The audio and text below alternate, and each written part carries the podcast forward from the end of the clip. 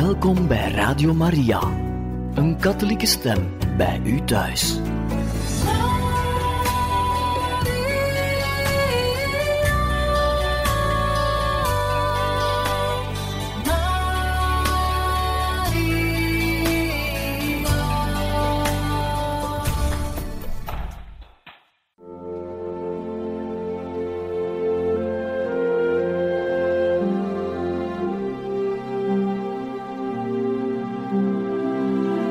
Beste luisteraars van Radio Maria, welkom bij het programma Catechismus.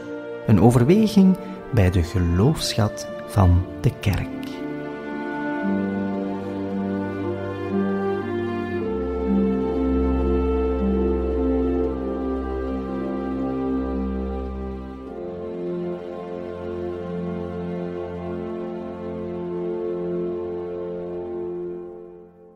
Welkom, beste luisteraars, in het programma Catechismus.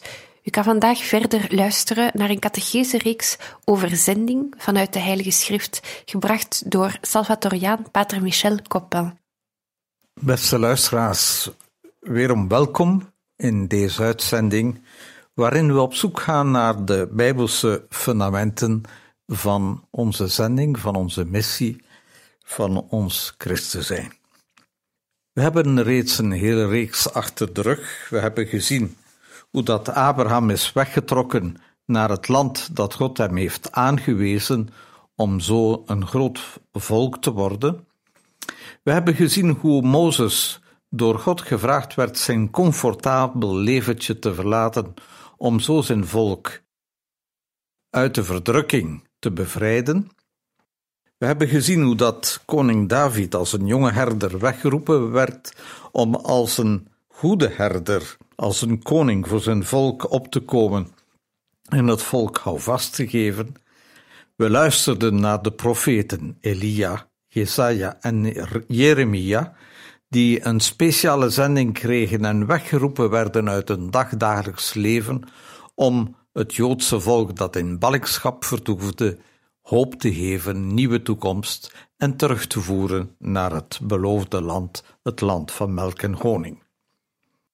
En dan hebben we gezien hoe dat de jonge Jezus uiteindelijk op verschillende momenten in zijn leven, eerst en vooral als jonge man, in zijn uiteenzettingen en dialogen in de synagoge en de tempel, tot een religieus besef komt, hoe dat hij dat gaat toetsen aan de woorden van Johannes de Doper, om uiteindelijk ook in de woestijn in gevecht te gaan met de duivel die hem allerlei verlokkingen aanbiedt om zijn zending uiteindelijk niet uit te voeren.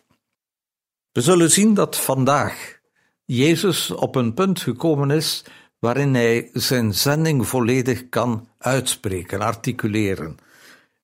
Het is helemaal duidelijk geworden. Hij weet waar hij aan toe is, hij weet wat de Vader van hem verlangt en waartoe hij gezonden wordt. Maar laten wij deze uitzending voor eerst beginnen met een gebed. Heer Jezus, in uw licht wordt alles helder. Met uw genade voegt, voegt zich alles naar uw wil.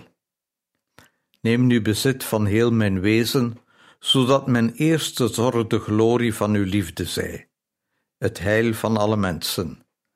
Dan onderscheid ik oprecht van hart wat gij van mij verwacht, en ga ik moedig langs de weg die, die gij mij wijst. Heer, wat wilt gij dat ik doe? Spreek, Heer, uw dienaar luistert, mijn hart is bereid. Maria, moeder van de Heer, leer mij leven met het onverdeelde ja, dat, dat ooit uw antwoord was op de boodschap van God. Nu is de tijd rijp nadat Jezus werkelijk de tijd genomen heeft om te onderscheiden waarin zijn zending bestaat, is de tijd rijp om zijn zending bekend te maken zijn zending aan de anderen te openbaren, zijn zending te starten.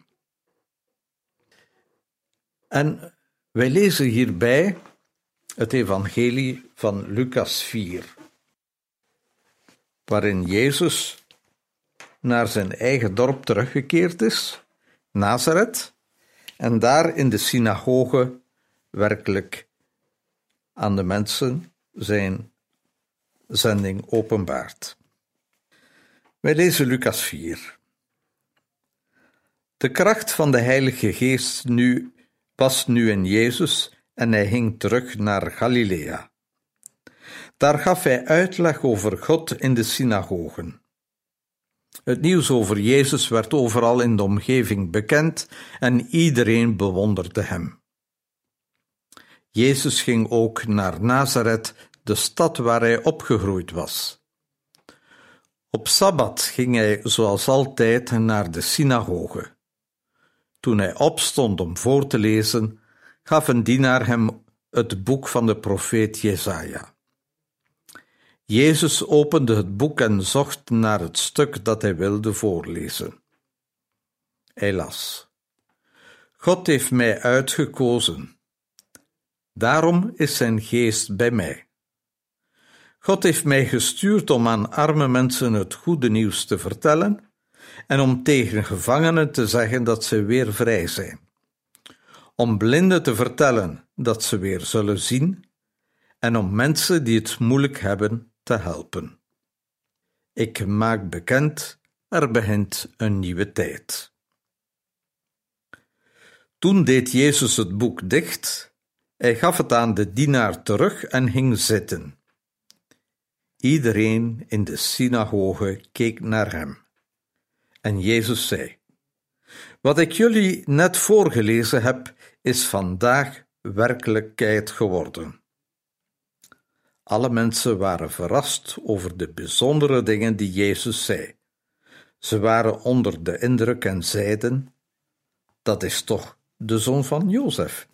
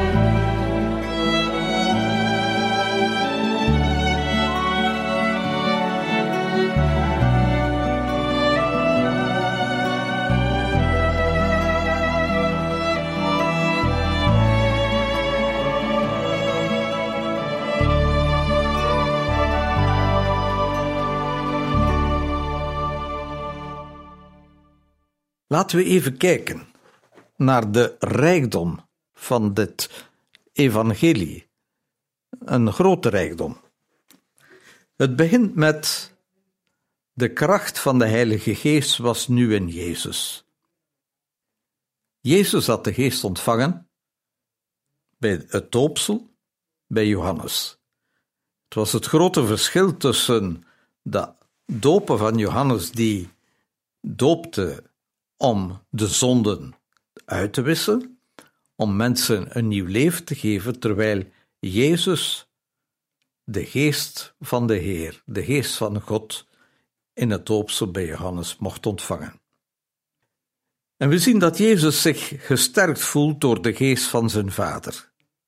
Het is de geest van liefde, de geest van barmhartigheid, de geest van vergevingsgezindheid. En die geest mag hij niet tot de zijne houden. Het is geen privébezit. Hij moet die aan anderen doorgeven. Anderen moeten die geest van God leren kennen. En hiervoor keert hij terug naar de stad of het dorp waar hij was opgegroeid, namelijk Nazareth. Dat wil zeggen dat Jezus zijn wortels niet verlogent. Hij behoort tot de Joodse gemeenschap van Nazareth. Het is van daaruit dat hij naar Johannes de Doper is gaan luisteren. Het is vanuit Nazareth dat hij ook zijn openbaar leven zal beginnen. En we zien dat hij de synagoge van zijn dorp binnentreedt, om zich in de geschriften te verdiepen en deze te interpreteren. Het is de dag van de Sabbat, de dag van de Heer, de dag dat elke Joodse jongeman naar de synagoge ging om te luisteren naar een stuk van de Heilige Schrift, om zijn eigen interpretatie te geven aan die schrift, om die dan ook persoonlijk te beleven. In die zin plaatst Jezus zich volledig binnen zijn religie en binnen zijn cultuur. En in Jezus' tijd waren die één en al met elkaar verweven. Religie en cultuur waren een eenheid. Jezus is een product van, het Joodse, van een Joodse cultuur en een Joodse religie. Jezus is een Jood en hij handelt als een Jood. Dat wil zeggen, hij respecteert de traditie, hij respecteert de opvoeding die hij gekregen heeft, maar het nieuwe bestaat erin dat hij aan die traditie, aan deze opvoeding, een nieuwe dimensie weet te geven. En we zien dat Jezus de boekrol van de profeet Jesaja ontvangt en hieruit voorleest.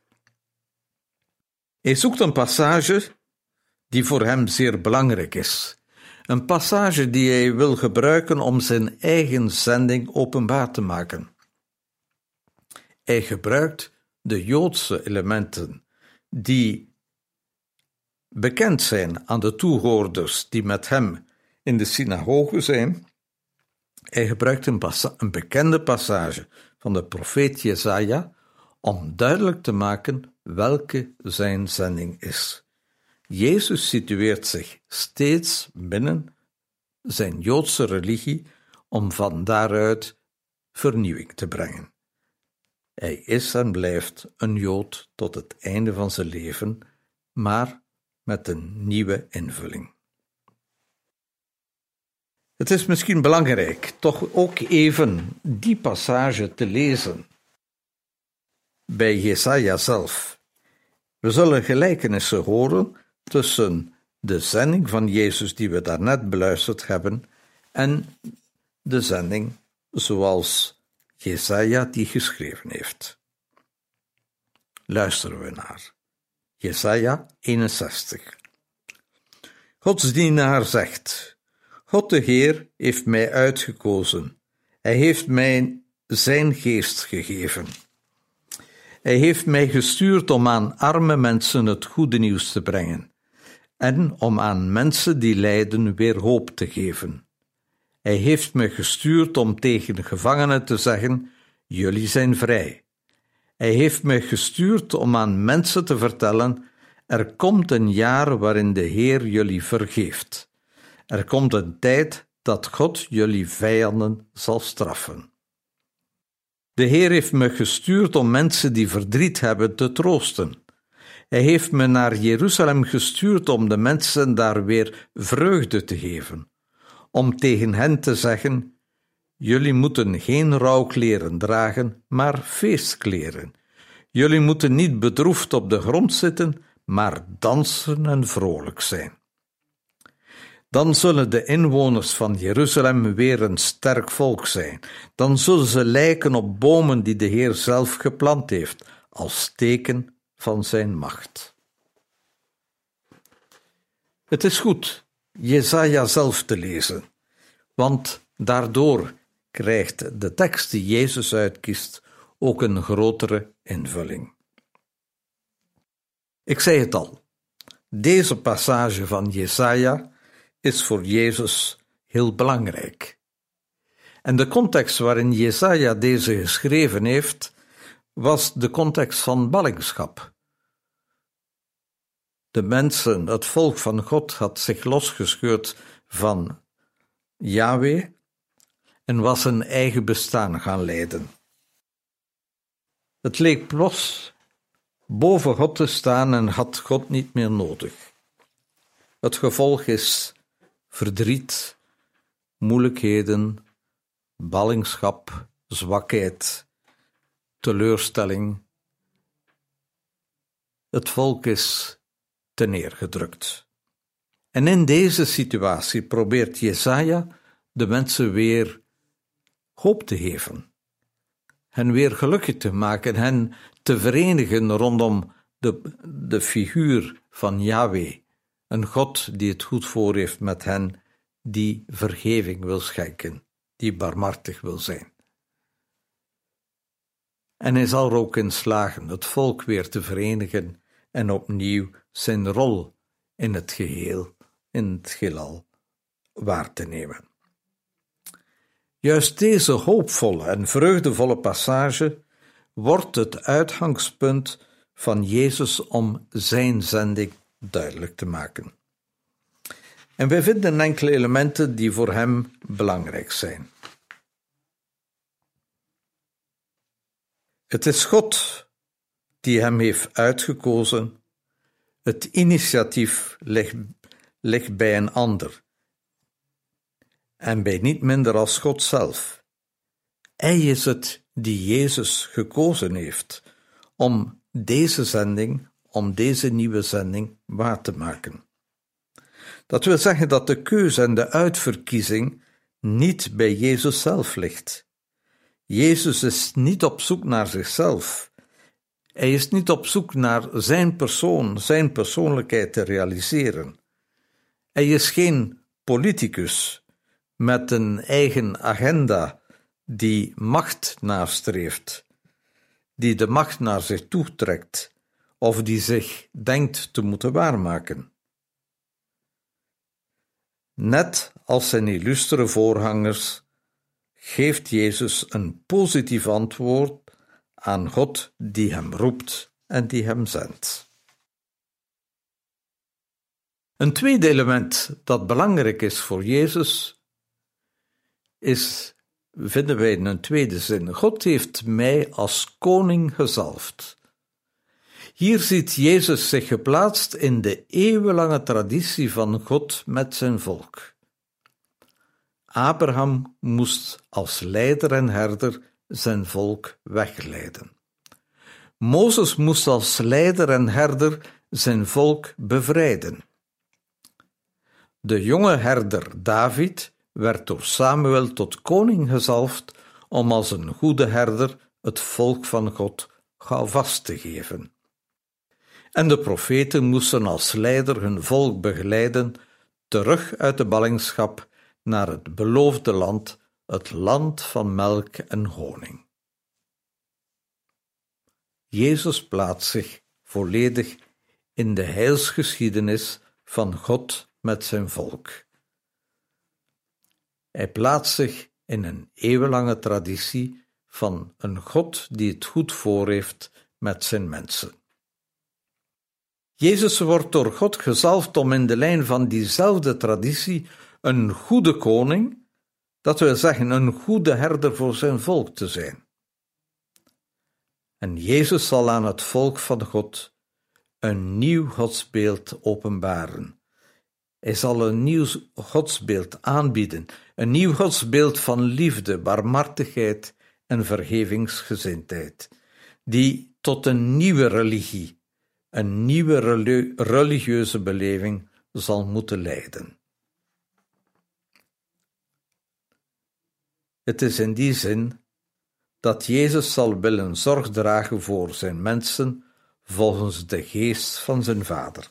Een derde element die belangrijk is in de manier waarop Jezus zijn zending bekend maakt.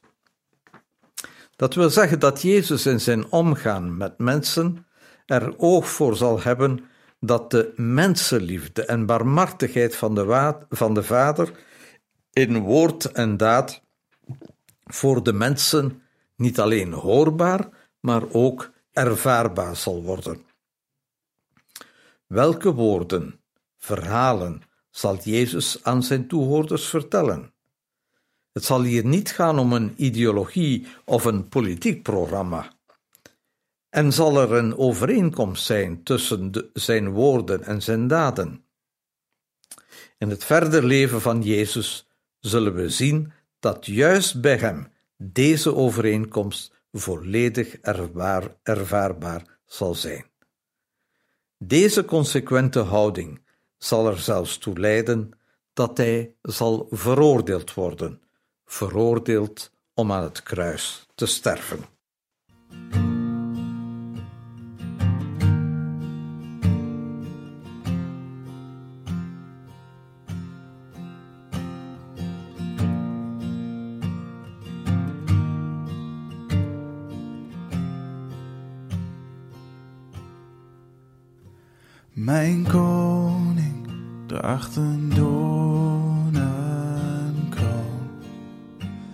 Bespot, bespuugd, geslagen. Mijn koning ondergaat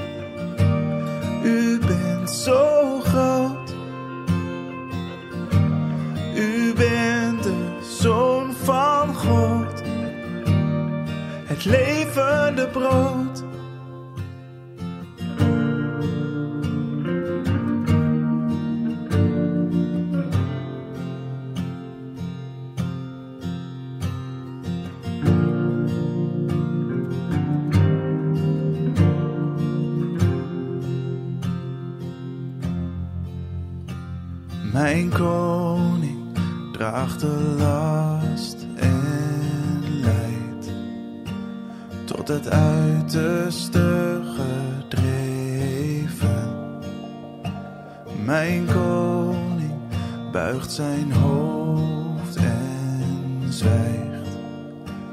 Hij heeft de geest gegeven. Ik begrijp niet alles, maar als ik naar u kijk, voel ik een diep verlangen naar uw koninkrijk. Jezus, u wil ik volgen. U bent zo groot. U bent de zoon van God, het levende brood. Jezus, u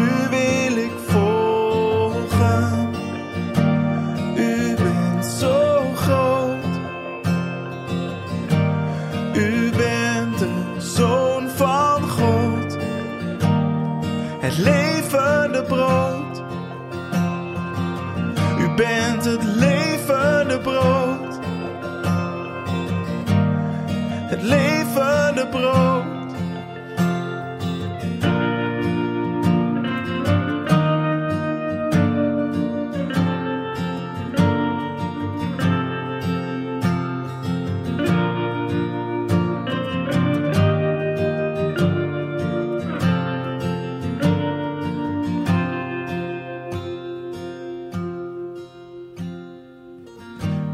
Jezus, u wil ik volgen. U bent zo groot. U bent de Zoon van God. Het levende brood. U bent het levende brood.